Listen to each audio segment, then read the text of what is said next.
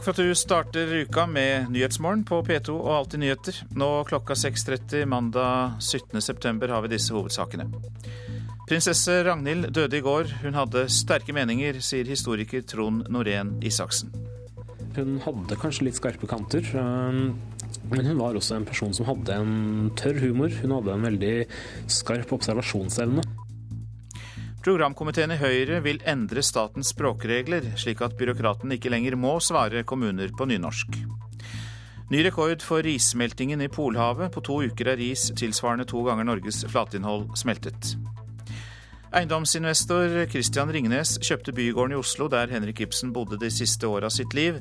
Det liker ikke Ibsen-forskeren Vigdis Ystad.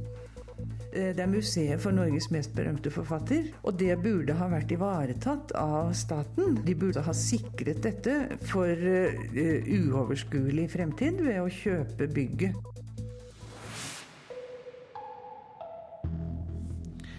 Prinsesse Ragnhild fru, fru Lorentzen døde i går 82 år gammel. Hun sovnet stille inn i sitt hjem i Brasil i går ettermiddag. Historiker eh, Trond Norén Isaksen forteller om en prinsesse med sterke meninger. Hun hadde kanskje litt skarpe kanter. Um, men hun var også en person som hadde en tørr humor. Hun hadde en veldig skarp observasjonsevne. Uh, hun hadde også positive egenskaper som ikke kom fram i offentligheten de siste årene. Og Det er vel det som er uheldig, da, at av det folk husker, er dette intervjuet. Det var i februar 2004 prinsesse Ragnhild skapte overskrifter i media da hun i et intervju med TV 2 kom med kritiske bemerkninger til kronprins Haakon og prinsesse Märtha Louise valg av ektefeller og mente at de hadde hatt dårlige rådgivere. Det intervjuet angret hun selv veldig på, og det var veldig uheldig. For det, var, det intervjuet fikk så stor dekning at det, var, måte, det, er det folk husker prinsesse Ragnhild for. Hun ble oppfattet veldig negativt pga. dette intervjuet. Hvordan tok kongen dette? Eh, kongen er jo en klok mann. Eh, han sa den gangen at dette her skal vi ikke la ødelegge det gode forholdet. Eh, han valgte jo faktisk bare å legge den saken død og glemme den og gå videre. Og det var nok også det beste på alle måter, ikke skape noen hard feelings innad i familien. Da prinsesse Ragnhild ble født på Slottet i 1930, var det første kongelige barn som ble født i Norge på over 600 år. Likevel spilte hun en relativt liten rolle i den norske offentligheten, sier historiker Trond Norén Isaksen, kjent for sitt arbeid med historien til det norske kongehus. Og Det hadde jo veldig stor grad sammenheng med det at hun bodde faktisk bare i Norge i 18 år av de totalt 82 årene hun levde. Eh, hun flyttet jo til Brasil i 1953. Der levde hun sammen med Erling Lorentzen, motstandsmann og skipsredesønn som hun gifta seg med. Men båndet til Norge har hele tiden vært sterk, sier Isaksen. Hun sa jo at uh, når hun reiste mellom Norge og Brasil, så var det som at hun reiste hjem begge veier, og at det var det som var så vanskelig.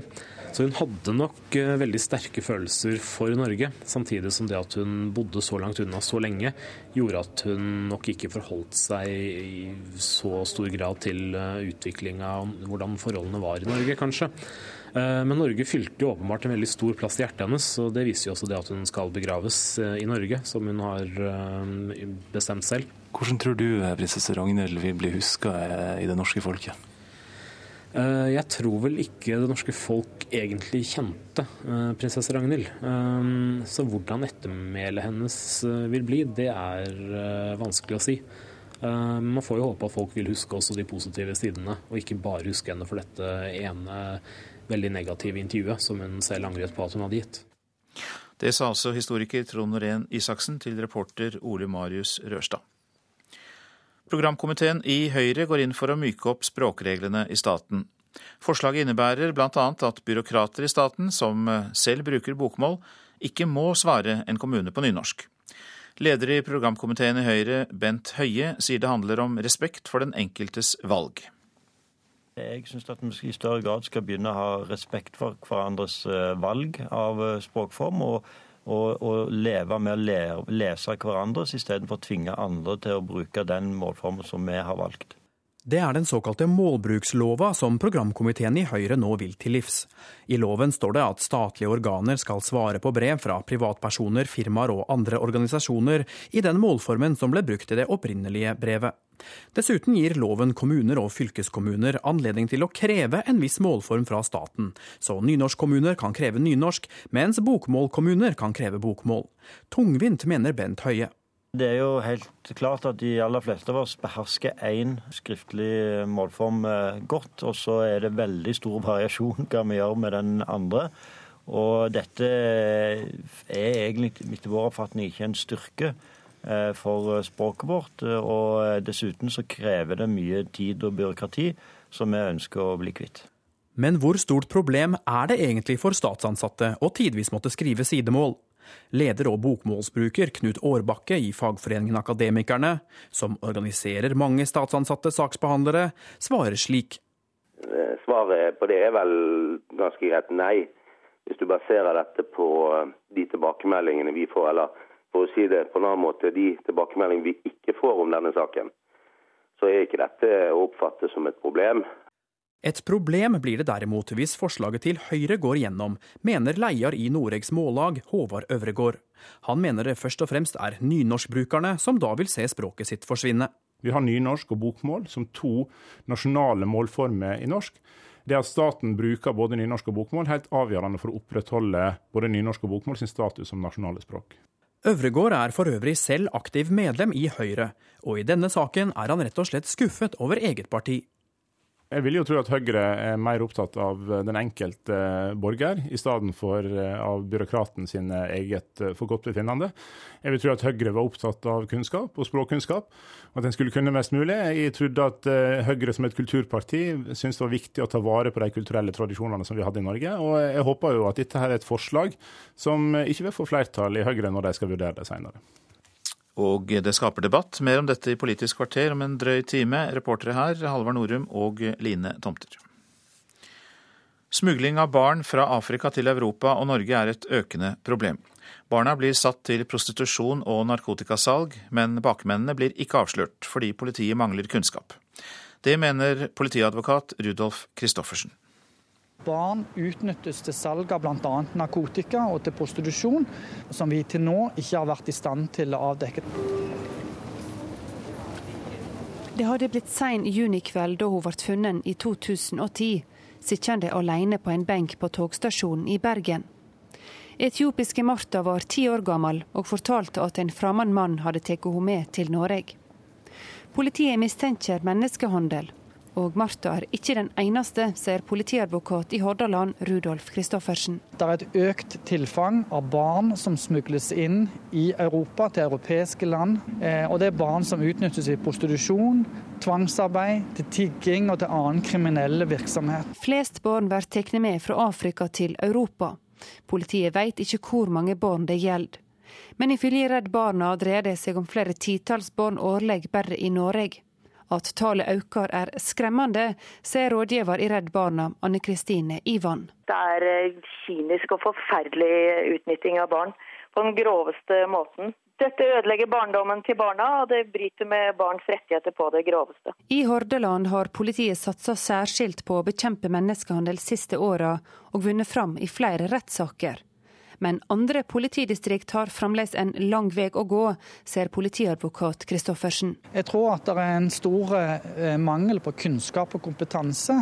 Per i dag så er det stort sett bare Oslo og eh, Bergen som har politidistrikt som har vært i stand til å identifisere menneskehandelssaker og skulle iretteføre de sakene for domstolene. Reporter Trude Bakke. For eh, to uker siden ble det satt ny rekord for issmelting i Polhavet. Siden da har det smeltet is som tilsvarer to ganger Norges flatinnhold, viser en oversikt fra amerikanske National Snow and Ice Data Center. I eh, området nord for eh, Frans Josefs land og Svalbard, der Fridtjof Nansens skip Fram lå innefrosset, seiler Greenpeace-skipet Arctic Sunrise nokså uhindret. Stemmer ikke det, Truls Gullovsen, du er leder i Greenpeace Norge? Ja, De er der oppe for å studere forholdene, og de ser at det er utrolig mye mindre is enn det noensinne har vært, og har vært veldig vanskelig, nesten umulig, å finne en eneste flerårsklump, altså skrugar, eh, rester av skrugarer som Nansen kjempet med. Så det er, det er dramatisk på satellittbildet, men det er enda mer dramatisk når man ser det i virkeligheten, rapporterer de. Kan du illustrere hvor lite det er? Altså, de sier at det er, det er, det er omtrent som, som slush seile i iskanten der. Eh, veldig vanskelig å finne flak det går an å stå på. Eh, siden 1980 så har altså tre fjerdedeler av isvolumet i Polhavet forsvunnet. Eh, og nesten halvparten av, av, det arealet som var isdekket om sommeren i 1980, er nå åpent vann. Så dette er dramatiske endringer som understreker og beviser at menneskeskapte klimaendringer skjer, og at de skjer veldig mye raskere enn det vi hadde trodd. Denne ekspedisjonen er selvfølgelig sendt ut for å observere dette her. Hva gjør de mer, hva er viktig for dem å få observert?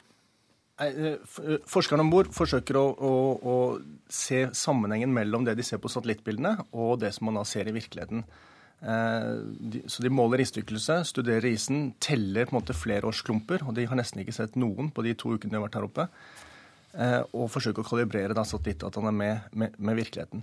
Det andre er jo, det er viktig for oss å være der oppe og ta de bildene. Se og fortelle verden hvor alvorlig det faktisk står til. For det virker som mange hører at dette skjer, men veldig få forstår hva det egentlig betyr for planeten. Så vi tenker at jo mer bilder vi får ut, jo, jo uh, tydeligere forstår kanskje folk at dette er et signal fra jordkloden om at man er nødt til å kutte klimagassutslipp veldig, veldig raskt. Ja, for nå kommer jo høstmørket, og kulda er på vei tilbake. Så da fryser igjen, tenker vi. I løpet av denne uka så kommer det til å begynne å fryse på. Uh, og det er jo bra. Men den isen som er forsvunnet, den, den er forsvunnet for godt. Uh, og det er mye som tyder på at vi ser et regimeskifte i Polhavet, hvor måte, vi får stadig mer åpent vann, stadig mer varme blir sugd opp av, av det mørke havvannet om vinteren, blir, nei, om sommeren og blir ikke reflektert bort av isen. Det fører til at vi får mer og mer åpent vann. Så den, det Nordpolen som på en måte var beskyttet av is før, det er nå, det er nå åpent og mer tilgjengelig for rovdrift av, av andre ting, industriell aktivitet, oljeboring osv. Og, så eh, og det er vårt budskap da i, i vår globale kampanje at dette her er dramatisk for klimaet, men det er også dramatisk for Polhavet. Vi er nødt til å erstatte den isen som har beskyttet Polhavet mot ødeleggelse før, med et, med et kraftig regelverk som forbyr ødeleggelse med f.eks. oljeboring, overfiske ja, Hva mer skal dette regelverket inneholde? Altså I tillegg til dette med overfiske og forbud mot uh, boring? Nei, er, vi, trenger kraftige restriksjoner på skipsfart. For det er jo dette et område hvor, eh, som shippingindustrien gjerne vil kjøre gjennom så fort de kan. Eh, det er fortsatt veldig risikabelt. Dersom det skjer en ulykke, så er det farlig både for mennesker og natur. Man aner ikke hvordan man skal rydde opp etter et oljesøl, verken fra, fra, fra, skipsulykker eller oljeboring i isfylte farvann, som jo dette uansett kommer til å være mesteparten av året veldig mye framover. Så her trenger vi kraftig satsing fra politikerne. Vi trenger noen land. Vi ønsker Norge til å gå foran og si at dette er et område vi er nødt til å beskytte. Selv om det er mulig, så, så må vi være forsiktige. Men det vi dessverre ser, er at eh, Norge er en av de mest aggressive nasjonene når det gjelder å utnytte Polhavet for oljeboring. Og det er trist både av hensyn til direkte miljøkonsekvensene, men også fordi at eh, hvis man skal ta klimaproblemet på alvor, så kan man ikke lenger tillate ny leting etter olje, kull og gass. Det regner jeg med at dere i Greenpeace eh, tar med politikerne. Truls Gullovsen, Gullofsen, du er leder der. Takk for at du kom i studio. Tusen takk. Så skal vi si litt om avisene i dag. Prinsessen skapte historie da hun giftet seg borgerlig. Det er oppslaget i Vårt Land dagen etter at prinsesse Ragnhild døde, 82 år gammel.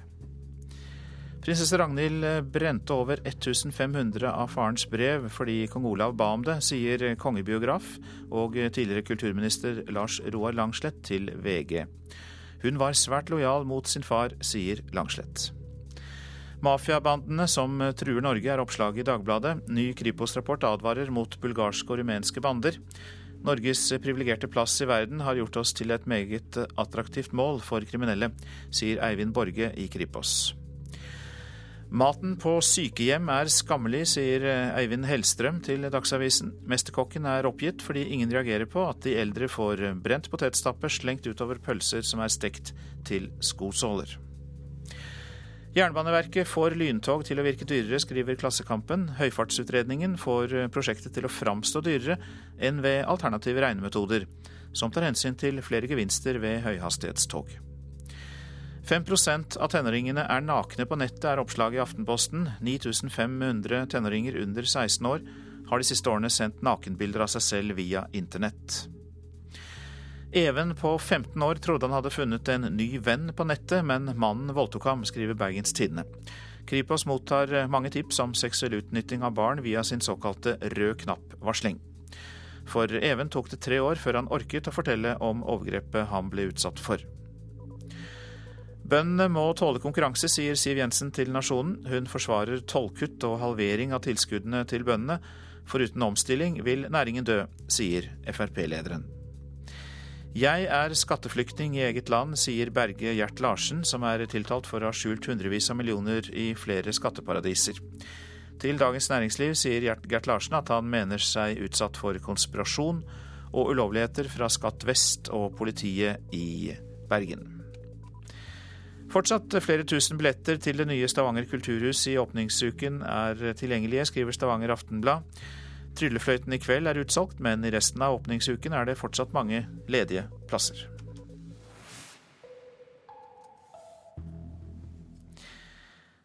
Rosenborg slo Vålerenga 3-0 på Lerkendal i går. En god generalprøve foran første kamp i Europaligaen, som eh, blir spilt borte mot Rapid Wien på torsdag. Skulle bjudet opp litt til, kanskje. Det hadde vært kult å få gjøre noe med mål.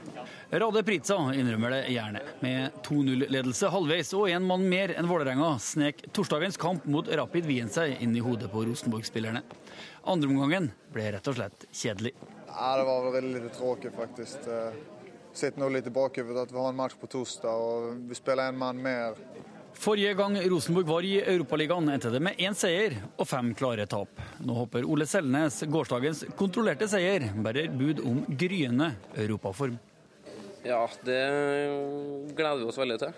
Men det blir jo en tøff kamp, selvfølgelig.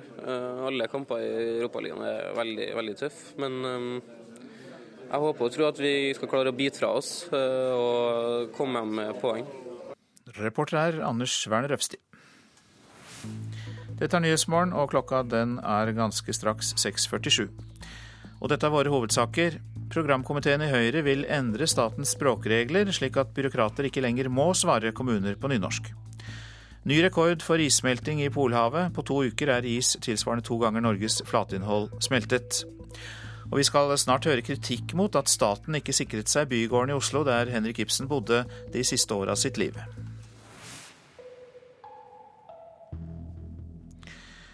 To menn omkom i en kanoulykke på Altevann i Indre Troms i går. Den siste savnede mannen ble funnet omkommet klokka 22, sier operasjonsleder Gaute Hoff i Troms politidistrikt. Ja, Klokka 22.07 så ble den siste savna personen funnet.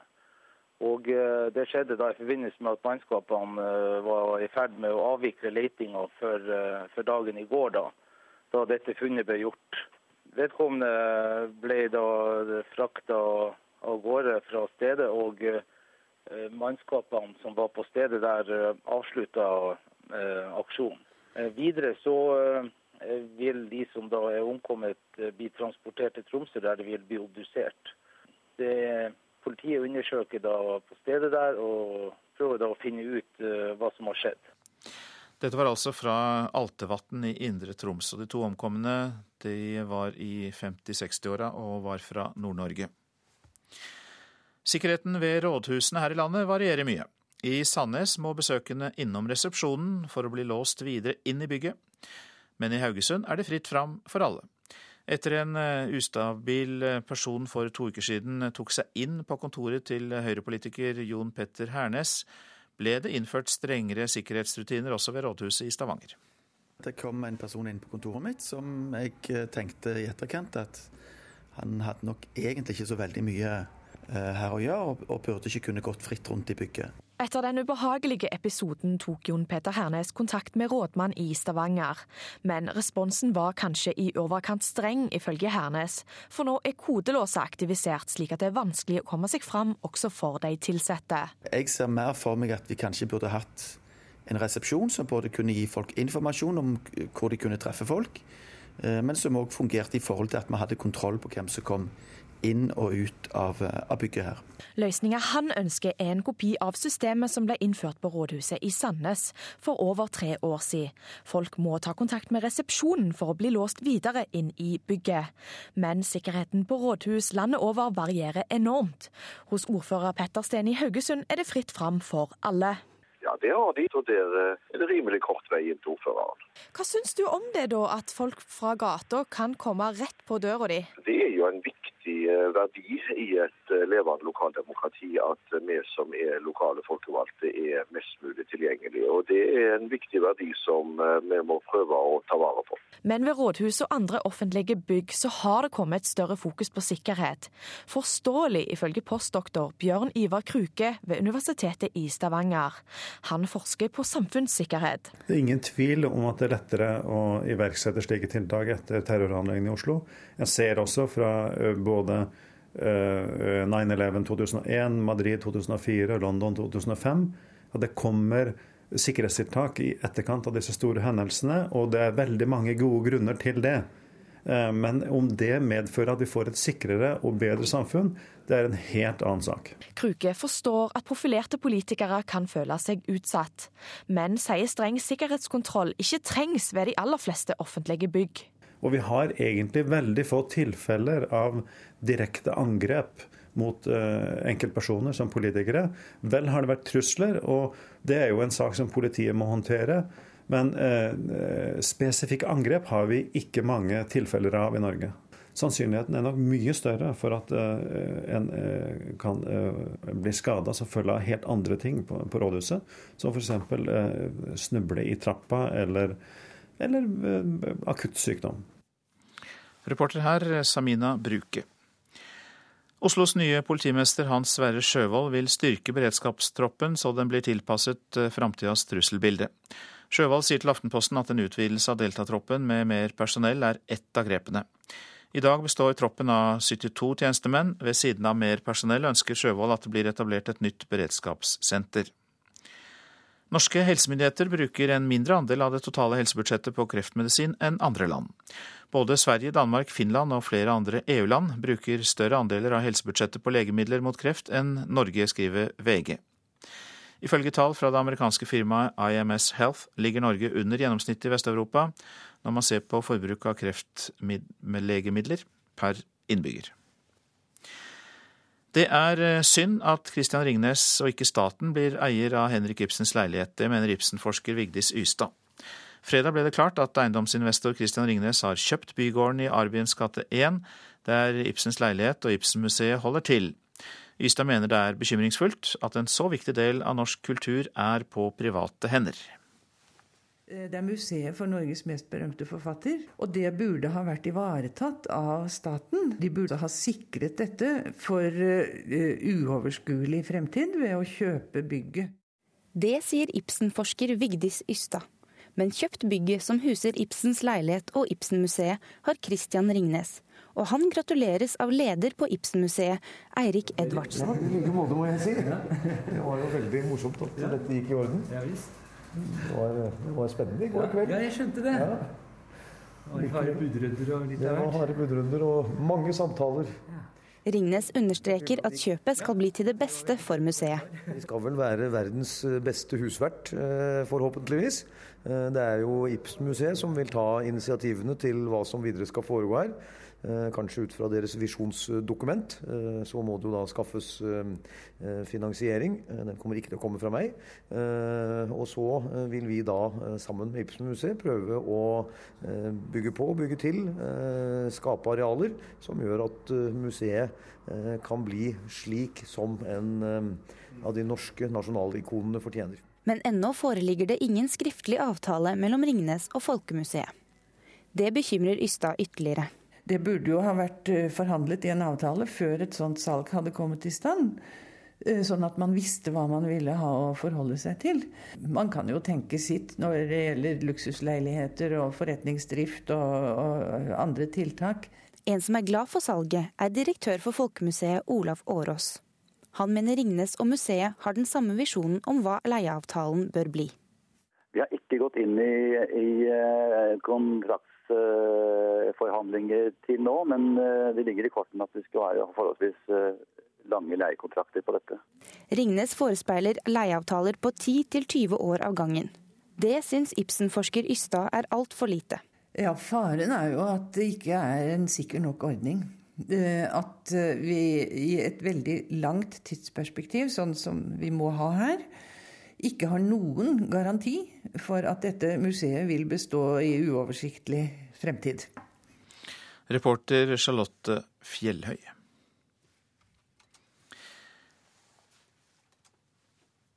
Musikk i fengsel og frihet er et tilbud til innsatte i norske fengsler.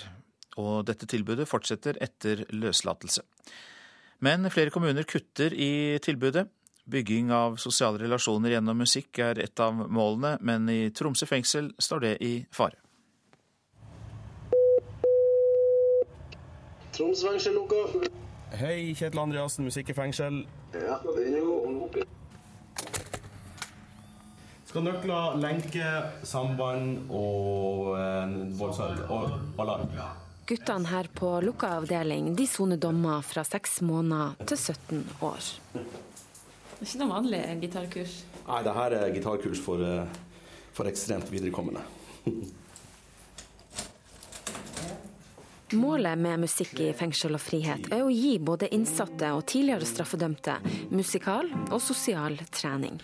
Jeg er helt av den oppfatning av at det har en effekt.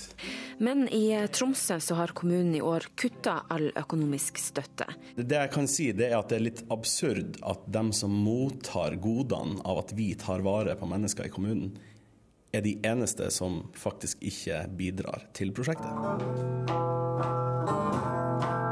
En av gangguttene har både stilen og forbildet klart. Icy Dicy.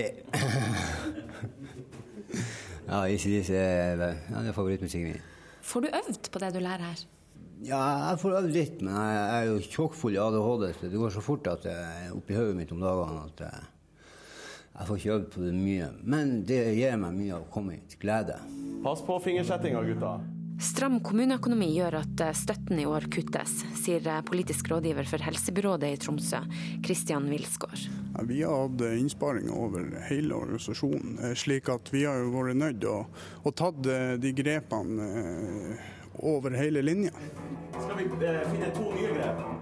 I 27 fengsel landet rundt så får innsatte øve i band og lære grep. Det er jo et problem hele veien. Det er nedskjæringer. Vi har ikke fått noe økning i de statlige tilskuddene på mange år. Marit Tangen er administrativ leder for musikk i fengsel og frihet. Og de kommunale tilskuddene er utrolig viktige for å få til et spleiselag og få til et godt tilbud. Og når de nå skjæres ned flere steder, sånn som i Tromsø, så står jo hele tilbudet i fare. Kanskje kabelen ikke fungerer. Når du er ferdig på øvelse her, hvordan føles det da? Det føles godt. Jeg føler en glede i kroppen. Sant? Jeg går og spiller luftgitar denne gangen. Ja, det sa en innsatt på lukket avdeling ved Tromsø fengsel, reporter Karoline Rugeldal. Så til eh, værvarselet for i dag. Fjellet i Sør-Norge. Først på dagen kuling i høyfjellet. Regnbyger. Snøbyger over ca. 1100 meter. Østland og Telemark ser vi samlet. Sørvest liten kuling og perioder med stiv kuling på kysten. Regn. Fra ettermiddagen stort sett pent vær, men nord i Oppland og Hedmark muligheter for regnbyger. Til kvelden kan det bli regn også i Telemark. Agder får sørvest opp i liten kuling, utpå dagen regnbyger i vest, ellers opphold og noe sol. Om kvelden økende nedbør i det meste av Agder. Rogaland og Hordaland sørlig opp i liten kuling på kysten, opp i stiv kuling først på dagen på kysten i nord. Enkelte regnbyger. Det blir flest om kvelden. Sogn og Fjordane sørvest opp i sterk kuling, om kvelden opp i liten kuling. Regnbyger kan hende med torden. Møre og Romsdal og Trøndelag sørvest opp i sterk kuling, om kvelden frisk bris og regnbyger. Nordland får litt eh, regn av og til. Troms får pent vær, om kvelden litt regn i sør og øst. Finnmark i sør litt eh, regn av og til, ellers opphold og perioder med sol. Så var det Nordensjøland på Spitsbergen. Østlig periodevis stiv kuling. Regn, mest i øst. Temperaturer målt klokka fem. Svalbard lufthavn sju. Kirkenes fire. Vardø åtte. Alta ni. Tromsø-Langnes også ni. Og Bodø ni. Brønnøysund ti grader. Trondheim, Værnes ni. Molde åtte. Bergen-Flesland åtte. Stavanger ti. Kristiansand-Kjevik 13 grader. Gardermoen og Lillehammer 11, Røros 9 og Oslo-Blindern 12. Det var altså temperaturer målt klokka fem.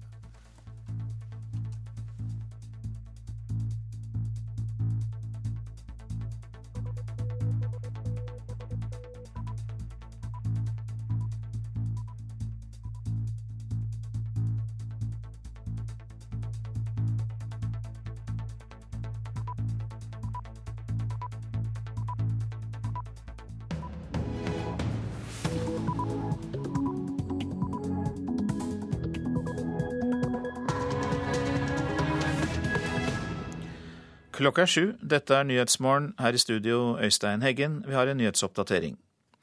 Det er flere undervektige enn overvektige barn ved flere vestkantskoler i Oslo. De mest ekstreme tilfellene helsesøstre har fortalt om, er der foreldre av redsel for å få overvektige barn sender med et par knekkebrød i barnehagen. Lokallagsleder for helsesøstrene i Sykepleierforbundet, Kristin Sofie Valdum. LO får en ny, moderne forbundsleder i dag, ifølge LO-sjefen. Trine Lise Sundnes blir ny leder i LO-forbundet Handel og Kontor. Ja, Trine Lise vil være en kandidat til det, er jeg helt overbevist om. Hun har jo kvalifikasjoner så det holder. Mente LO-leder Roar Flåten. Ny rekord for issmelting i Polhavet. På to uker er is tilsvarende to ganger Norges flatinnhold smeltet. Prinsesse Ragnhild hadde sterke meninger, og historiker mener vi ikke helt visste hvem hun var. Jeg tror vel ikke det norske folk egentlig kjente uh, prinsesse Ragnhild. Um, så hvordan ettermælet hennes vil bli, det er vanskelig å si. Historiker Trond Norén Isaksen. Eiendomsinvestor Christian Ringnes kjøpte bygården i Oslo der Henrik Ibsen bodde de siste åra sitt liv. Det liker ikke Ibsen-forsker. Ja, ved flere skoler i Oslo vest er det flere undervektige enn overvektige barn. Det viser veiing og måling av barneskoleelever i hovedstaden. Lokallagsleder for helsesøstrene i Sykepleierforbundet, Kristin Sofie Valdum, sier noen foreldre er overdrevent opptatt av å ha en sunn livsstil. De mest ekstreme tilfellene helsesøstre har fortalt om, er der foreldre av redsel for å få overvektige barn sender med et par knekkebrød i barnehagen. Skolebarn gjør seg klare til å spise. Men sunn mat både på matpakken og hjemme har blitt altfor viktig for noen familier, mener Valdum. For i noen nabolag er pannekaker til middag tabu, sukker på grøten uaktuelt, og posesuppene er gjemt langt bak i skapet. Dette overdrevne fokuset på overvekt kan gjøre at en del familier har altfor strenge regimer, da, å kalle det det, i forhold til kosthold og aktivitet. At det blir en eh, litt sånn rigiditet i forhold til det som har med, med mat å gjøre. I fjor bestemte Helsedirektoratet at norske skolebarn skal veies i tredje og åttende klasse. Og selv om de endelige resultatene ikke er klare, er det flere undervektige barn ved flere skoler i Oslo vest enn overvektige, sier Valdum. På enkelte skoler i byen opplever helsesøstre at det er vel så vanlig at barn ligger under normalkurven som over. Det er forsker og overlege Petter Benedikt Juliusson som har laga tabellene norske skolebarn måles etter. Ved mistanke om undervekt bør barnas BMI beregnes, men BMI-en må justeres for alder. Men at barn er tynnere enn normalen, trenger ikke å være et faresignal. Man kan tenke seg at uh, noen steder i noen sosiale lag finnes det veldig mange som uh, er veldig aktive og uh, er tynnere enn generelt, men likevel kjempefriske barn. Hvordan er det foreldre bør forholde seg hvis de har et barn som er under kurven sin og som er undervektig? Man skal aldri se på vekten isolert. Hvis unge spiser og er rask og frisk og oppegående og, og vokser på den lengden, så er det veldig sjelden grunn til, til, til engstelse. Men, men eh, hvis det er noen andre tilleggssymptomer, eh, spisevegring eller eh, lengdeveksthemning, så, eller mavesmerter eller avføringsendringer eller noe sånt, så, så bør man definitivt eh, se nærmere på saken. Også helsesøstrene vil ha bedre oversikt før de vet om det er grunn til bekymring. Men lokallagsleder Valdum sier noen familier er altfor opptatt av å være sunn. En del foreldre burde kanskje litt oftere sette seg ned og snakke med barna og spise boller i sofaen, istedenfor for å sette det litt på spissen andre veien. Det er jo noe med hvis man blir veldig ekstrem i en retning, så kan det være uheldig. Ja, boller i sofaen. Det sa lokallagsleder for Helsesøstrene i Sykepleierforbundet, Kristin Sofie Valdum. Reporter Kristine Svendsen. God morgen til deg, Jorunn Sundgodt Borgen. God morgen. Du er professor ved Norges idrettshøgskole. Vi har kalt på deg, selvfølgelig. For disse tallene som vi hører, det er jo ikke helt klare, men hvor utbredt er dette problemet? Ja, det er viktig det at dette er ikke publiserte tall, så det er erfaringer fra helsesøstre, men de skal vi ta på alvor.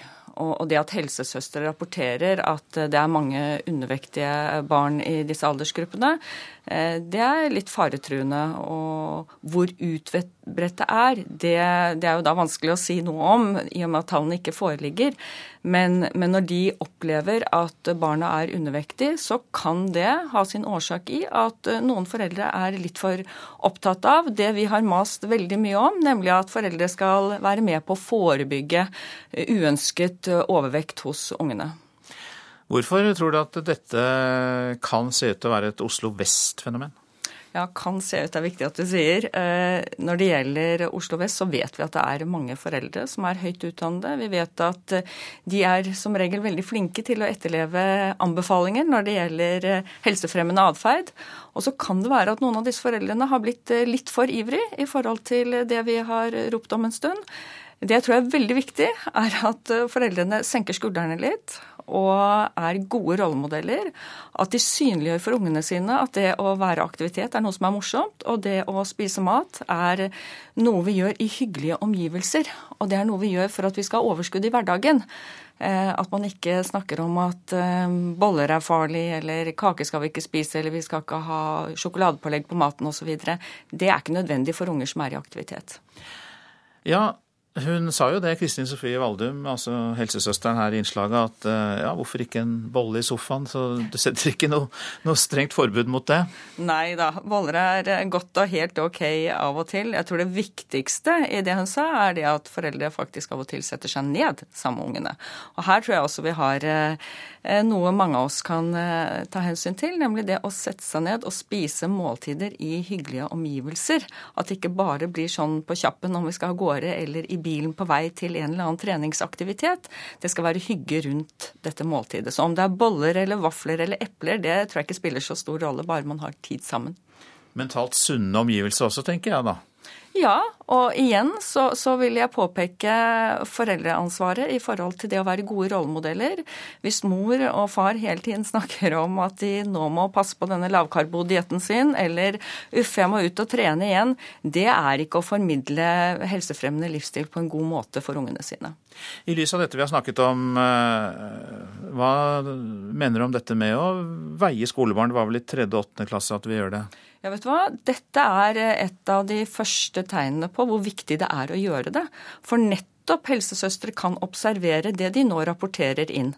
Så det å få en vekt på barna i 3. og 8. klasse, det er viktig, for det er et objektivt mål på hvordan det faktisk går med ungene våre. Men så er det selvfølgelig ekstremt viktig at denne veiingen blir, blir gjort i gode omgivelser, og at de som skal utføre det, altså helsesøstrene, opplever at de er trygge i situasjonen. Slik at det blir en grei opplevelse for ungene, og også de foreldrene som kanskje får formidlet via helsesøster at de har et barn som er undervektig eller overvektig. Mange takk for at du kom. Jorunn Sundgodt Borgen, du er professor ved Norges idrettshøgskole. Nå om eh, prinsesse Ragnhild fru Lorentzen som døde i går, 82 år gammel. Hun sovnet stille inn i sitt hjem i Brasil i går ettermiddag. I 2004 skapte hun overskrifter i media etter et intervju der hun kom med kritiske bemerkninger til kronprins Haakon og prinsesse Märtha Louise Valga ektefeller. Historiker Trond Rene Isaksen håper det norske folk vil huske de positive sidene til prinsesse Ragnhild. Prinsesse Ragnhild var en dame som hadde sterke meninger. Hun hadde kanskje litt skarpe kanter. Um, men hun var også en person som hadde en tørr humor. Hun hadde en veldig skarp observasjonsevne. Uh, hun hadde også positive egenskaper som ikke kom fram i offentligheten de siste årene.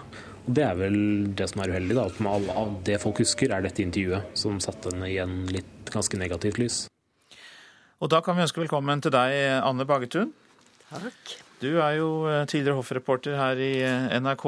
Og eh, ja, hvor overraskende var beskjeden om, om dødsfallet for deg? Ja, jeg hadde vel ikke hørt noe særlig om noe sykdom. Altså, prinsesse Ragnhild var 82 år, men Og jeg vet at hun, det var snakk om det da hun ikke Da bare Erling Lorentzen og ikke prinsessen kom hjem til Gunnar Sønstebys begravelse på, på vårparten. Men ellers har vel ingen eh, hørt så veldig mye om det, tror jeg. Dette året 2004, da hun markerte seg gjennom et eh, TV-intervju med kritiske merknader til eh, kongebarnas giftermål, hvor kontroversielt var det? det var nok litt overraskende at hun ville gå ut på den måten og kritisere disse. Men jeg tror kongefamilien tok det relativt rolig. Og det gode forholdet ble ikke akkurat ødelagt. Men det var nok overraskende at hun gikk ut så sterkt. Hvorfor tror du hun gjorde det? Var hun veldig tradisjonsbundet? Det tror jeg. Hun var veldig tradisjonsbundet, tror jeg. Prinsesse av den gamle skolen. Samtidig så dette, Noe av dette hun kritiserte med å gifte seg borgerlig, det gjorde hun jo selv, da. Ja. en god del år i forveien. Og var vel en av de første prinsessene i Europa, eller kanskje den første som gjorde det i nyere tid. Men hun ville kanskje da knytte dette Altså når man var i arvefølgen, så skulle det være annerledes, åpenbart. Det var kanskje det hun mente med det intervjuet den gangen. Men eh, hvordan var eh, eh, forholdet til eh, kongefamilien for øvrig? Det tror jeg var tett. Jeg har altså alltid hatt eh, inntrykk av at forholdet mellom disse tre søsknene, altså prinsessene Astrid og Ragnhild, og, og kong Harald, har vært, eh, har vært, nært. Veldig nært. Og selv om hun bodde nesten så langt unna som det går an å komme, så var de nok relativt ofte hjemme. De hadde jo huset sitt her og sommersted, og hun var nok nær knyttet dem, til dem. Hun feiret jo bl.a. 80-årsdagen sin her for, for, to år siden. Vi eh, leser i en del aviser i dag at eh, hun hadde et meget tett forhold til sin far eh, kong Olav. Kan du si litt om det? Ja, det tror jeg var veldig nært. Og hun var jo alltid mye her. Vi ser alltid bilder fra, fra på, på Kongsgården på Bygdø bl.a., hvor hun nok var mye hos kongen. Uh, og det har også kommet opp dette med igjen, dette med Hvor hun også gjorde seg gjeldende da hun brente disse brevene, brevsamlingen fra kong Olav. For de skrev altså til hverandre en gang i uken, visstnok. Og det er klart at historikere ville vært interessert i dette, men selv mente hun at dette var helt privat. Og kong Olav skal også ha sagt dette, at dette, dette er ikke noe som egentlig skulle offentliggjøres. Kan du forstå det, at de ble brent? Ja, på én måte kan jeg vel det. Eh, hvis, de var, hvis, de var, personlige. Samtidig ligger det sikkert mye historie der.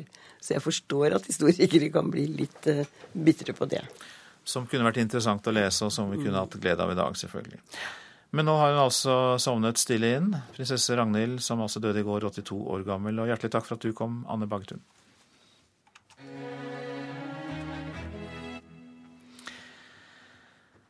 Nå til en annen kvinne i en helt annen situasjon enn kongehus, nemlig Trine Lise Sundnes, som blir ny leder i LO-forbundet Handel og Kontor.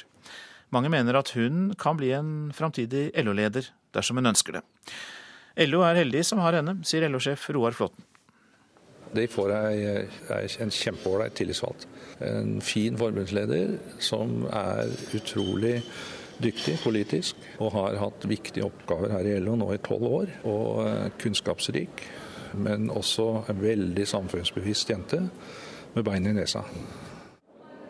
Trine Lise var da hun ble valgt inn i LOs eh, ledelse, eh, tidenes yngste i toppen av LO.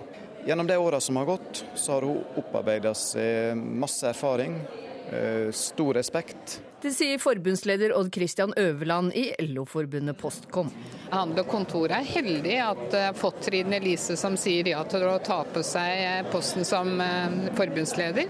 Mener Erna Hagensen i LO-forbundet Norsk Arbeidsmannsforbund. Det tror jeg er eh, veldig bra for Handel og Kontor å få ei så flink jente som Trine Lise er. Vi har bl.a. hatt mye med hverandre å gjøre da vi reviderte IA-avtalen. Eh, hun er ryddig og konsekvent. Og så er det ikke minst en leder i LO-bevegelsen som fremstår i en moderne drakt. Det trenger de. Sier tidligere NHO-sjef John G. Bernander.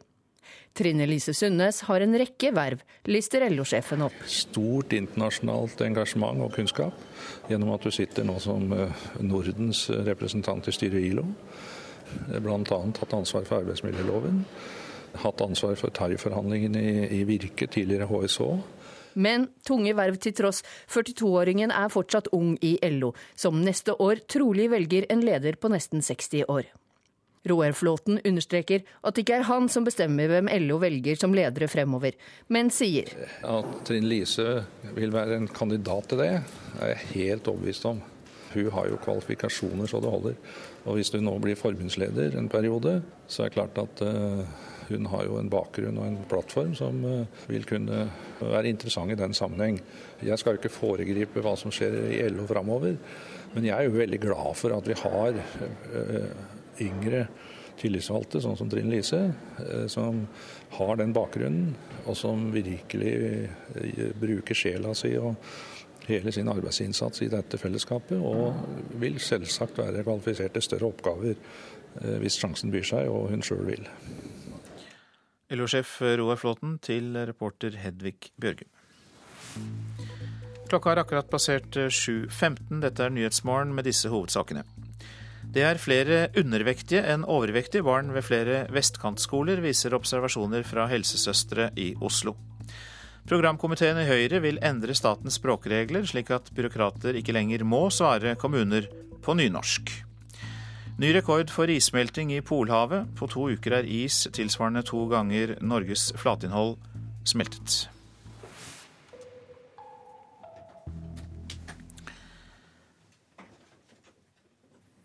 Da ønsker vi velkommen til Sissel Wold, utenriksmedarbeider her i NRK og tidligere Midtøsten-korrespondent, og til deg, Jan Egeland, leder i Human Rights Watch Europe.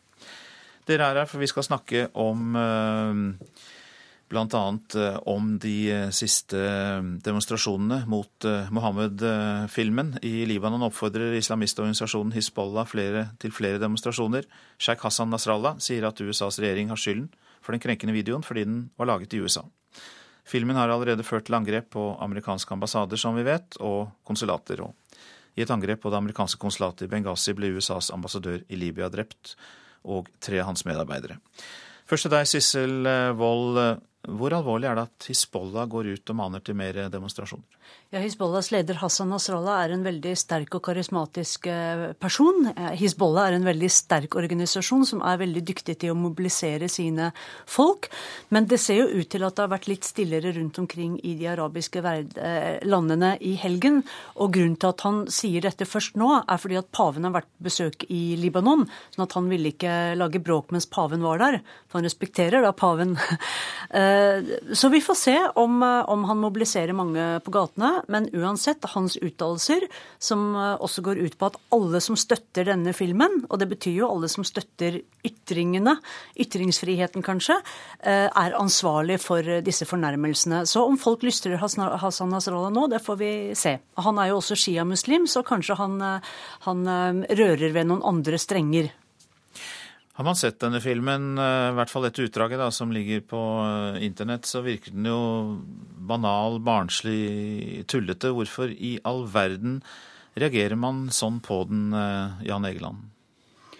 Man reagerer sånn på den, for det er et angrep, et primitivt angrep, men et angrep på det som eh, muslimer, islam, ser på som det, det viktigste av alt, nemlig profetens ære. Så he hele filmen ble jo lagd som en provokasjon. Men kanskje oppsummeringen etter disse dagene er følgende. Det er lettere å gjøre disse tingene enn noensinne før. En hvilken som helst obskur, halvkriminell mann kan sitte et eller annet sted i Vesten og sende ut noe på et internett som ikke er sensurert, som så igjen får enorme konsekvenser i en helt annen del av verden, som, som faktisk går opp i flammer. Mange av de som protesterer, har ikke sett filmen, har bare fått beskjed om at det er et angrep på profeten, og det kommer enda en gang fra den Vesten som provoserer dem eh, så ofte. Og så går de til angrep på mennesker som har intet med dette å gjøre, og plutselig må en president Obama eller en i USA eller en president Morsi i Egypt forholde seg til dette. Sisselvold, du var jo eh, utenrikskorrespondent i Midtøsten under eh, karikaturtegningsstriden hvordan opplever du det som skjer nå, sammenlignet med det som skjedde da? Jeg tenker mye på at eh, hos oss i Vesten, eller også i Norge, så er det ingenting som er hellig lenger. Eh, det er én grense i Vesten, og det er å gjøre narr av holocaust, eller si at det ikke har funnet sted. Og jeg husker i Iran, som et svar på karikaturene fra Jyllandsposten, så arrangerte en iran iransk avis en konkurranse om å lage de uh, altså Jeg vet ikke om jeg kan bruke ordet morsomste, men altså karikaturer fra, fra holocaust. Og jeg vet ikke om det går an å sammenligne det, men, men jeg tror ikke vi kan føle den, den ydmykelsen som, som, araberne føler. Og, og, selv om det er noen som lager bråk og noen som lager vold, så er det veldig mange som blir fornærmet. Men det er jo også et, et, et diskusjonsspørsmål hva som har trigget så mange til å bli så voldelige. Det er sammensatt. Det har nok ikke bare med filmen å gjøre, men det er også utløp for annen frustrasjon. Men mange, mange, mange, også pakistanere her i Norge, er fornærmet og såret over denne filmen. Den tar jo noe av oppmerksomheten bort fra situasjonen i Syria, Jan Egeland. Og dere i Human Rights Watch kommer nå klokka ni med en rapport om situasjonen der. Eh, hva nytt kan vi vente oss i rapporten? Denne gangen er det en rapport eh, som dokumenterer overgrep på opposisjonssoldatenes side. Borgerkrigen i Syria har blitt verre og verre. Eh, august var den blodigste måneden så langt i Syria. Men det var også den blodigste måneden i noen krig i regionen de siste 15-20 år. Altså Irak ble aldri over 4000 døde per måned. Det gjorde heller aldri krigen i Afghanistan, i Libya eller noen av de andre. Nå har vi over 4000 døde i august som var, og september ser ut til å bli like ille.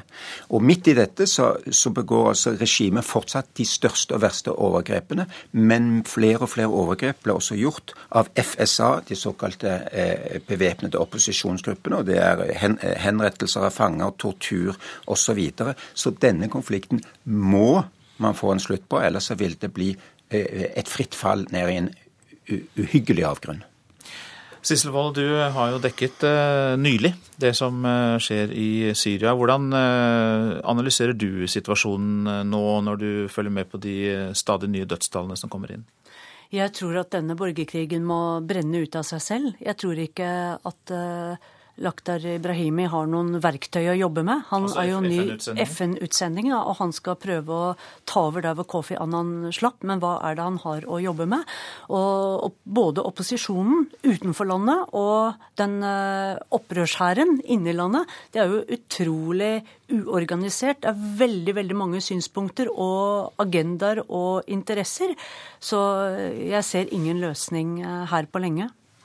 Altså, jeg er enig i at Lakta Brahimi er, like så handlingslammet som Kofi Annan var, pga. at man har et splittet verdenssamfunn og man har så uforsonlige parter. Men dersom man, dersom man lar det brenne ut av seg selv, så kan det ta mange år, og det kan bli altså en sekterisk krig. Hvor, hvor, familie står mot familie, landsby mot landsby, og man dreper hverandre som sunnier og sjiaer og alawitter og kristne etter hvert i stadig større grad. Eh, det er våpen som kommer inn hele tiden fra utenverdenen.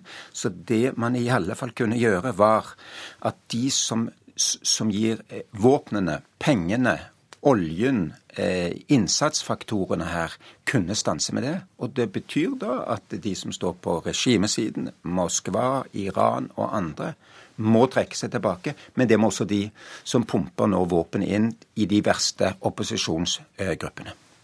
Mange takk for at dere kom til Nyhetsmorgen. Sissel Wold eh, fra eh, NRK og eh, Jan Egeland fra Human Rights Watch, som altså legger fram denne rapporten i dag. Takk skal dere ha. Så skal vi si litt om hva avisene skriver i dag. Prinsessen skapte historie da hun giftet seg borgerlig, er oppslaget i Vårt Land dagen etter at prinsesse Ragnhild døde 82 år gammel.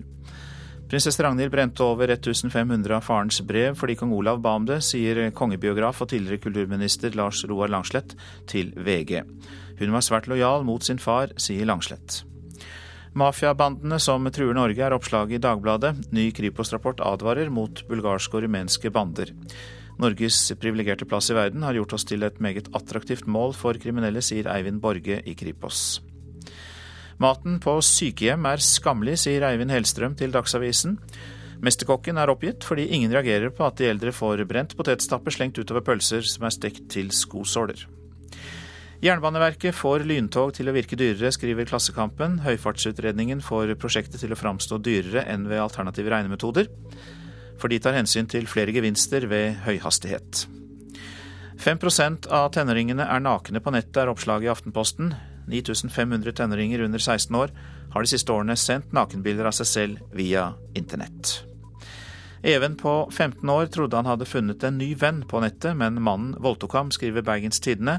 Kripos mottar mange tips om seksuell utnytting av barn via sin såkalte rød knapp-varsling. For Even tok det tre år før han orket å fortelle om overgrepet han ble utsatt for. Bøndene må tåle konkurranse, sier Siv Jensen til Nasjonen i dag. Hun forsvarer tollkutt og halvering av tilskuddet til bøndene, for uten omstilling vil næringen dø, sier Frp-lederen. Jeg er en skatteflyktning i eget land, sier Berge Gjert Larsen, som er tiltalt for å ha skjult hundrevis av millioner i flere skatteparadiser. Til Dagens Næringsliv sier Gjert Larsen at han mener seg utsatt for konspirasjon og ulovligheter fra Skatt vest og politiet i Bergen. Fortsatt flere tusen billetter igjen til det nye Stavanger kulturhus i åpningsuken, skriver Stavanger Aftenblad. Tryllefløyten i kveld er utsolgt, men resten av åpningsuken er det fortsatt mange ledige plasser til.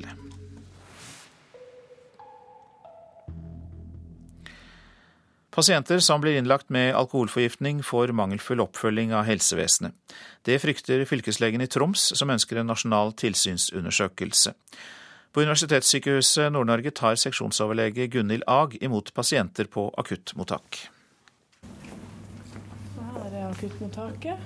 Der har vi akuttrommet. Hvis du er dårlig når du kommer inn, så blir du mottatt der inne ofte. Fra ambulansen kommer en rett inn i en lysåpen gang. Rundt en sving står sykehussenger på rekke, bare atskilt med blomstrete forheng. Dette er akutten på UNN Tromsø, og det er her personer med alkoholforgiftning kommer først. Hvis de er veldig dårlige, så må de inn på akuttrommet og få en viss oversikt over eh, overvåkningsnivå. Trenger vi eh, en eh, overvåkningsavdeling, intensivavdeling, eller kan de gå til behandlet sengepost med litt hyppigere tilsyn, til de våkner litt opp. Men hva skjer etter at pasientene har klarna opp?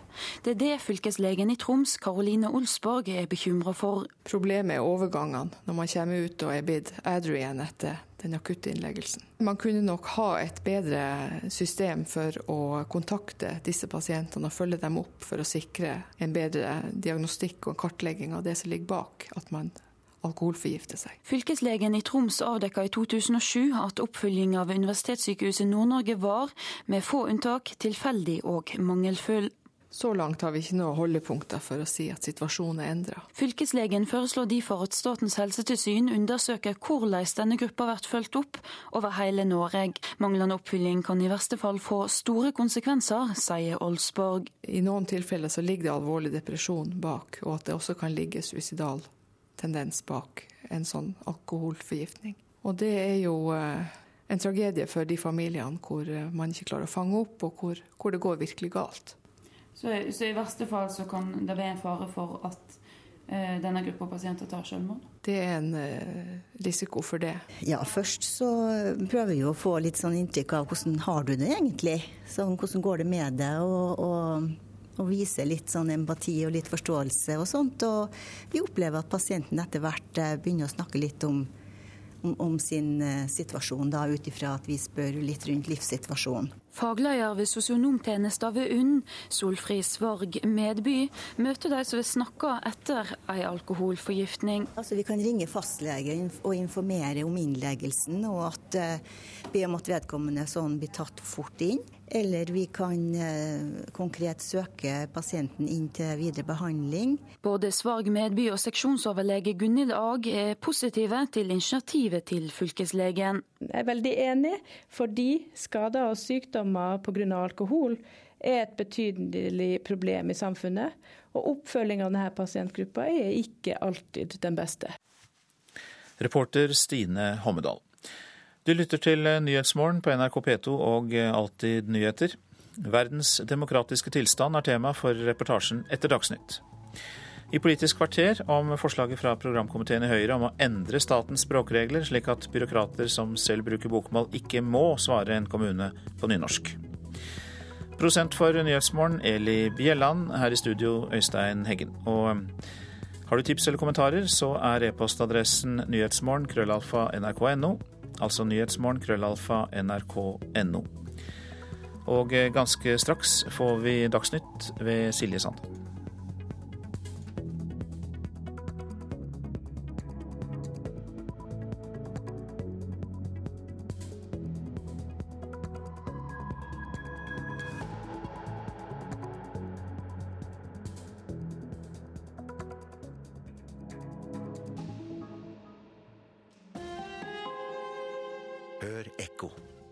Å havne i ulykka betydde ensomhet, skam og fortvilelse.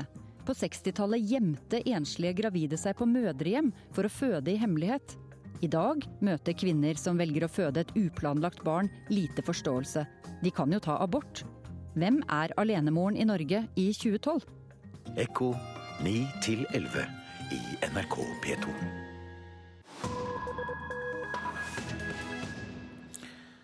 Verdens demokratiske tilstand er tema i Nyhetsmorgen nå. Finansieringen av politiske partier er den største utfordringen for utviklingen av demokratier verden rundt. Ja, det mener en internasjonal kommisjon ledet av Kofi Annan.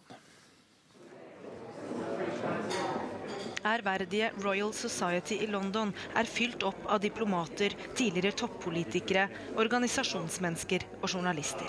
En ny rapport skal lanseres, som gjør opp status for demokratitilstanden i verden.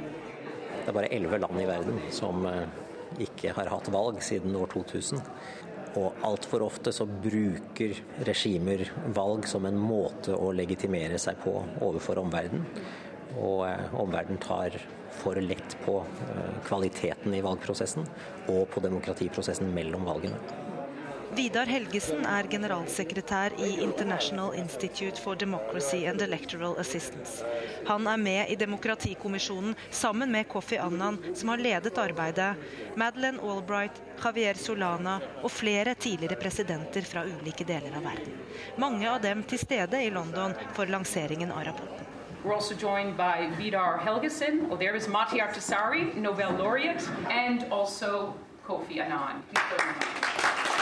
Og kommisjonslederen slår fast at veldig mange politiske valg langt fra er demokratiske. Elections do not contribute to democracy if they lack integrity. And by integrity we mean political equality, transparency and accountability. Elections without integrity give democracy a bad name.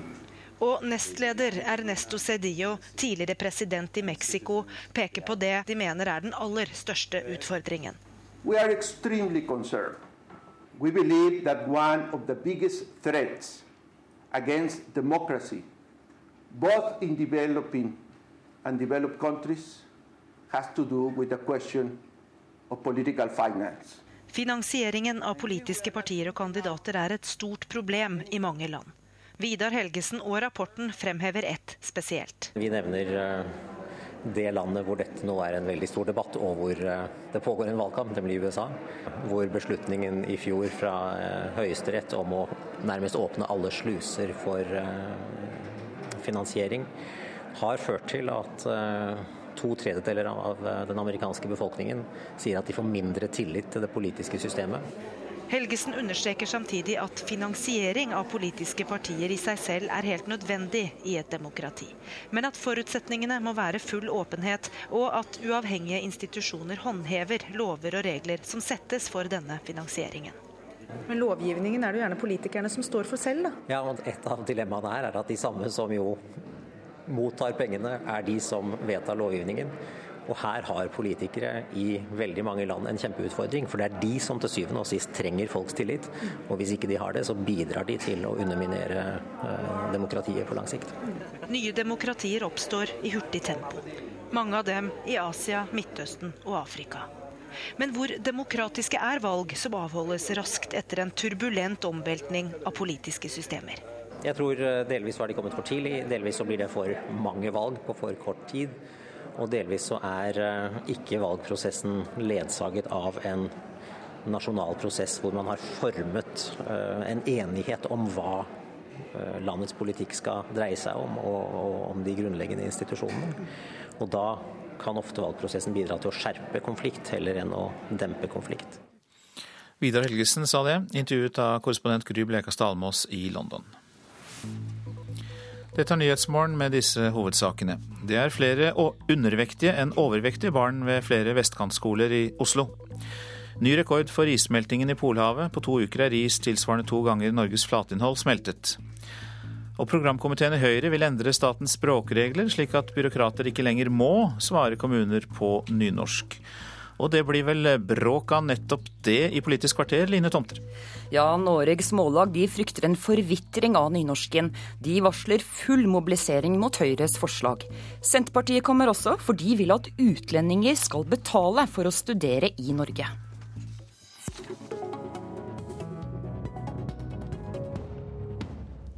Høyres programkomité vil altså endre mållova.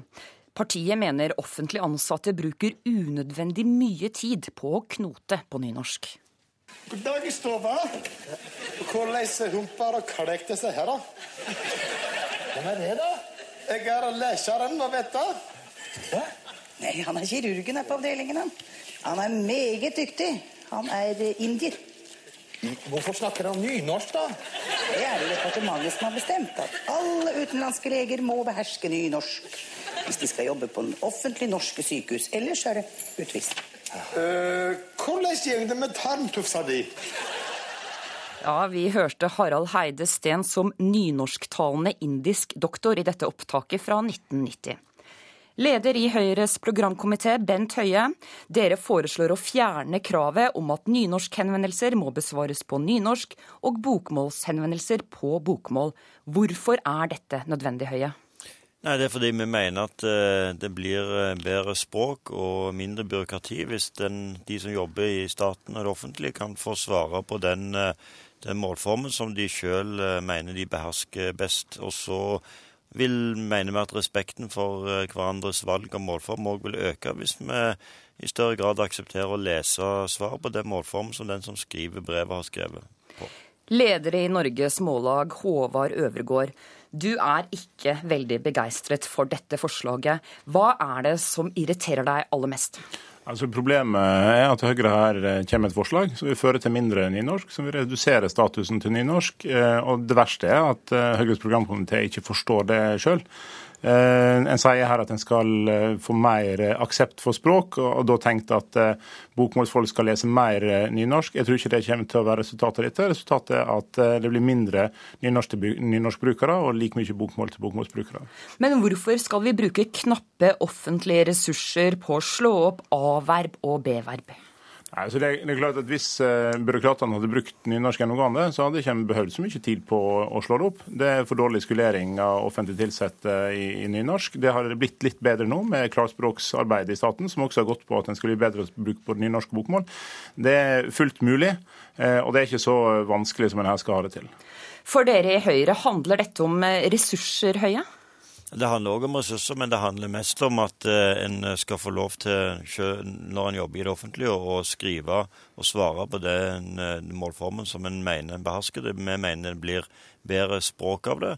Eh, dessuten så er det jo mange som jobber i det offentlige som skriver nynorsk, og de vil da slippe å skrive bokmål når de får henvendelser på bokmål. Og vi ser jo òg en utvikling der det med skriftlig språk, eh, altså det du svarer skriftlig og hva du svarer muntlig, er jo i ferd med å gli over i hverandre i forhold til at vi nå svarer på mail og SMS osv.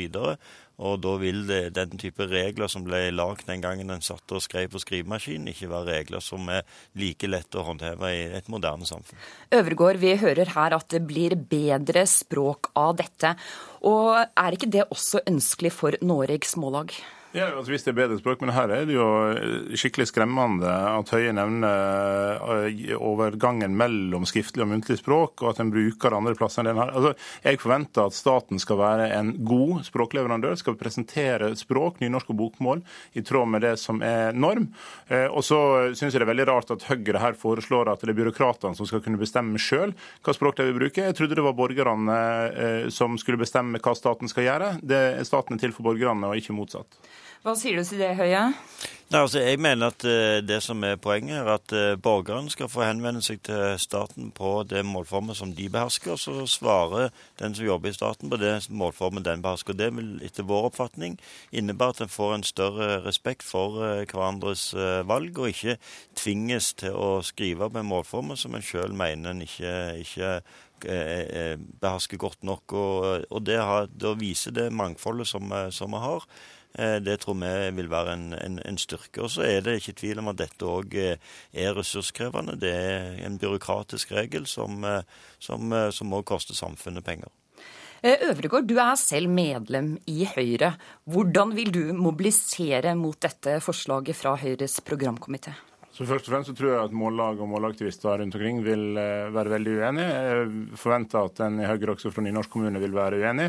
Eh, og Det som er hovedpoenget er at staten skal beherske både nynorsk og bokmål. Det er to offisielle målform i landet. Eh, og det er en fallitt for språkmedvet hvis en ikke kan beherske begge to i staten. Høie, du sier at man vil spare ressurser på dette, men det finnes jo ikke noen beregning som viser eh, hvor mye penger man eventuelt vil spare? Nei, og det er jo derfor dette heller ikke er hovedbegrunnelsen vår for å gjøre det, men det er en del av det. Og, men dette er jo et forslag fra programkomiteen, og det betyr at uh, alle medlemmene i Høyre, de som er tillitsvalgte lokale, kan engasjere seg. Og hvis det er et flertall på vårt landsmøte mener noe annet, så er det det som blir politikken. Men dette er programkomiteen sitt forslag, og det er kjempeflott hvis det blir debatt og engasjement rundt dette. Vi mener denne regelen har vært nå i, på en måte i ro i så mange år uten en diskusjon, så nå fortjener Norge å ta opp denne regelen til diskusjon. Men språkdebatter i Norge, det vekker veldig mye følelser.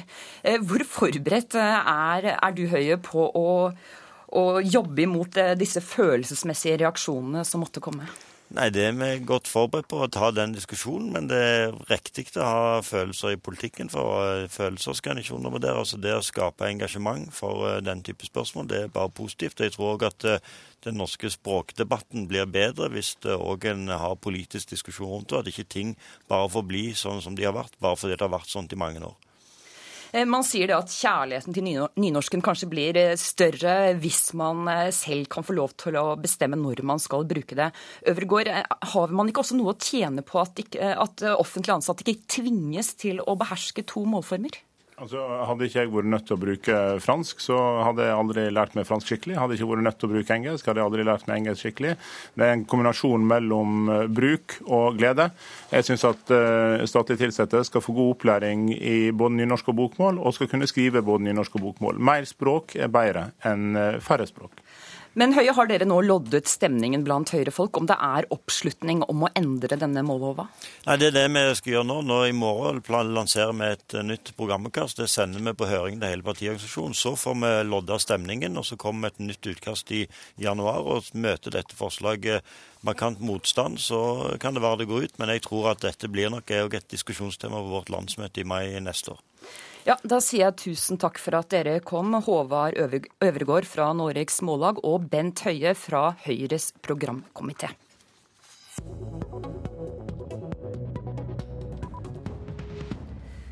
Utenlandske studenter strømmer til Norge, og antallet søkere har økt med 50% på to år. Nå foreslår Senterpartiet at utlendinger skal betale for å gå på norske universiteter og høyskoler. Kristian Anton Smedshaug, du sitter i Senterpartiets programkomité. Hvorfor skal vi begynne å ta oss betalt fra de utenlandske studentene? Jo, jo, Bakgrunnen for det ligger vel egentlig ikke i vår egen avgjørelse, men dette er jo det som er en, er en internasjonal trend nå, og særlig i EU, hvor land etter land i takt med sine egne fallende økonomier innfører skolepenger. Det blir veldig vanskelig for oss å ha et særnorsk eh, regime i den stortingsperioden som kommer, hvis vi blir det eneste landet som tilbyr gratis utdanning for eh, utenlandske studenter, mens alle de andre legger inn store begrensninger. Så dette er et forsøk på å diskutere en ting som blir viktig for de fire årene som kommer, som sannsynligvis blir helt annerledes enn de periodene vi har lagt bak, på, bak oss, i og med at vi har såpass fallende økonomier i landene rundt oss. Leder i Norsk studentunion, Øyvind Berdal. Hvorfor er du imot dette forslaget fra Senterpartiet? Fordi dette rokker ved grunnsteinen i norsk høyere utdanning, nemlig at det skal være gratis. Eh, og også på bakgrunn at vi har sett eksempler på f.eks. Sverige, som innførte skolepenger for internasjonale studenter, hvor opptaket sank med 79 det ble 79% færre fra ett år til det neste etter at man innførte skolepenger eh, for internasjonale studenter. Eh, og vi trenger faktisk de, den inspirasjonen og det vi får fra internasjonale studenter. Et annet poeng er det at i Danmark, hvor man innførte dette, har man sett og får signaler på at det nå handler om å ta opp studenter som gir avkastning, og ikke nødvendigvis de kloke hodene. Og det er et problem. Smedshaug, det er jo allerede veldig dyrt å oppholde seg i Norge. Hvorfor vil dere i Senterpartiet risikere å jage ut de utenlandske studentene? Det er vel ingen her som sier at vi ønsker å jage ut de utenlandske studentene. og Dette dreier seg jo for det første om som sagt, en form for tilpasning til det som skjer i verden rundt oss. og Det er vanskelig å ha en øy her uten at man har et noenlunde regime som er tilpasset det øvrige. Det andre er at her er det en debatt vi må ha for å finne ut hvordan vi skal få ordning for å nettopp ha også et, en betydelig andel internasjonale studenter. Fordi det er jo, som ble påpekt her, det er viktig for eh, bredden, og det er viktig for å få impulser, men det må være på en bærekraftig måte. og Vi ser allerede i dag at dette skjer på forskjellige måter i de forskjellige eh, byene. I Oslo og Bergen nå så er rundt to tredjedeler av nytildeling for studentboliger, som vi har koblet opp på den infrastrukturen vår som er veldig pressa, går til utenlandsstudenter. I Trondheim har de en regel på at det er 30% så der har du en vesentlig mindre andel. Så dette er jo allerede et forskjellig regime rundt omkring i de norske utdanningsinstitusjonene. og Dette må vi se nærmere på i en presset situasjon, og hvor studenthybler er veldig viktig. Og Et siste punkt, gratisprinsippet, men dette ikke rokker ved. Gratisprinsippet er fortsatt fullt gyldig for norske studenter. Dette er på en måte om vi kan greie å opprettholde denne ordningen for de utenlandske. Og det er nettopp for å unngå at gratisprinsippet blir satt under press at vi tar denne debatten nå. Berdal, dette kan kanskje løse noe av boligkrisen for norske studenter. Er ikke dette et veldig gyldig argument for å innføre betaling for utlendingene? Nei, men Dette handler om å ikke sette det opp mot hverandre.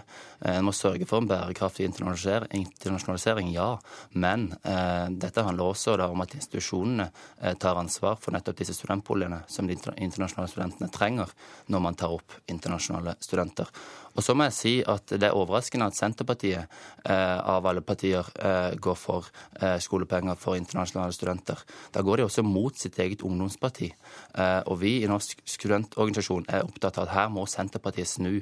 Her må alle gode krefter gå sammen, og her må Liv Signe Navarsete se på hva dette virkelig betyr for Senterpartiet og for norsk høyere utdanning, om vi setter gratisprinsippet på prøve. Senterpartiet dere er jo kjent for å være et distriktsvennlig parti, og det er veldig mange høyskoler nå som er helt avhengige av den utenlandske studentmassen. Eh, har dere sett noe på risikoen for at disse utenlandske studentene skal svekke høyskolene i Norge? Jeg tenker på at bortfallet vil svekke, ja. så, eh, så, er jo det en del av den debatten vi må ta. og det er klart at Her er det mange mulige løsninger. ikke sant? Man kan fortsatt ha stipendordninger, man kan prioritere visse studier, og man kan si at her er det spesielt viktig. Så det er klart det er et utall av muligheter som gjør, som gjør det i stand til å håndtere denne situasjonen. Men vårt poeng er at ser vi inn i framtida, så må vi håndtere denne debatten i tråd med vår, den internasjonale utviklingen. Jeg tror dette er viktig faktisk for å ta vare på den sosiale mobiliteten vi har i Norge, for å gi muligheter for å ta vare på det norske utdanningssystemet, passe på at det blir passe dimensjonert, og passe på at det er i stand til å håndtere det som er vår primæroppgave, nemlig å utdanne norske studenter. Og så skal vi ha en betydelig internasjonalisering, en betydelig andel, for det er viktig både for miljø, for å få perspektiv, og for kulturell bredde. Men med de internasjonale trendene nå, så tror vi at dette er viktig å diskutere. Og som sagt, dette er et forslag for, fra vårt partiprogram for å skape debatt og for å få opp nødvendig diskusjon. Og det virker som vi har greid. Berdal. Men det er fullt mulig å oppnå uten å sette gratisprinsippet på prøve, som eh, skolepenger for internasjonale studenter vil eh, medføre. Her snakker vi om et prinsipp vi skal være stolte av i norsk høyere utdanning. Og jeg vil også faktisk si at det kan være et konkurransefortrinn. Eh, vi tiltrekker oss nå mange studenter som ikke nødvendigvis ville valgt Norge om det ikke hadde vært gratis. Eh, og det handler faktisk om at vi tiltrekker oss flinke, de gode hodene, som ikke nødvendigvis er så privilegerte at de kan betale skolepenger i andre utdanningsland. Men risikerer ikke Norge da å få alle de fattigste studentene? Nei, det, det, gjør vi ikke. Men det er ikke nødvendigvis noen sammenheng mellom hvor privilegert man er, og hvor klok man er, og hvilket godt hode man faktisk har. Eh, og Vi skal være stolt av dette konkurransefortrinnet vårt, og vi skal være stolt av å forsvare det i Europa. Eh, og studentorganisasjoner i Europa, andre eh, i land hvor man har innført skolepenger, ser de negative konsekvensene av nettopp dette. Det er ikke sånn at utdanning er en vare, og vi skal være stolte av at vi faktisk har et prinsipp om at skolepenger ikke er noe internasjonale studenter trenger å betale. Hva er det dere i Senterpartiet er redde for? Vi er vel ikke akkurat direkte redde, men vi sier at i en situasjon hvor, vi har, hvor den økonomiske rammene for de fleste land er under sterk endring, og vi ser betydelige innstramminger overalt, så blir det vanskelig for oss å opprettholde et særnorsk regime på dette her. Og jeg, Vi gjør dette nettopp for å ta vare på gratisprinsippet i det norske studiesystemet, for det er primært knyttet til det som er eh, de norske statsborgernes eh, rettighet. Og så gjør vi dette så langt vi kan for alle mulige andre, og det skal vi greie videre.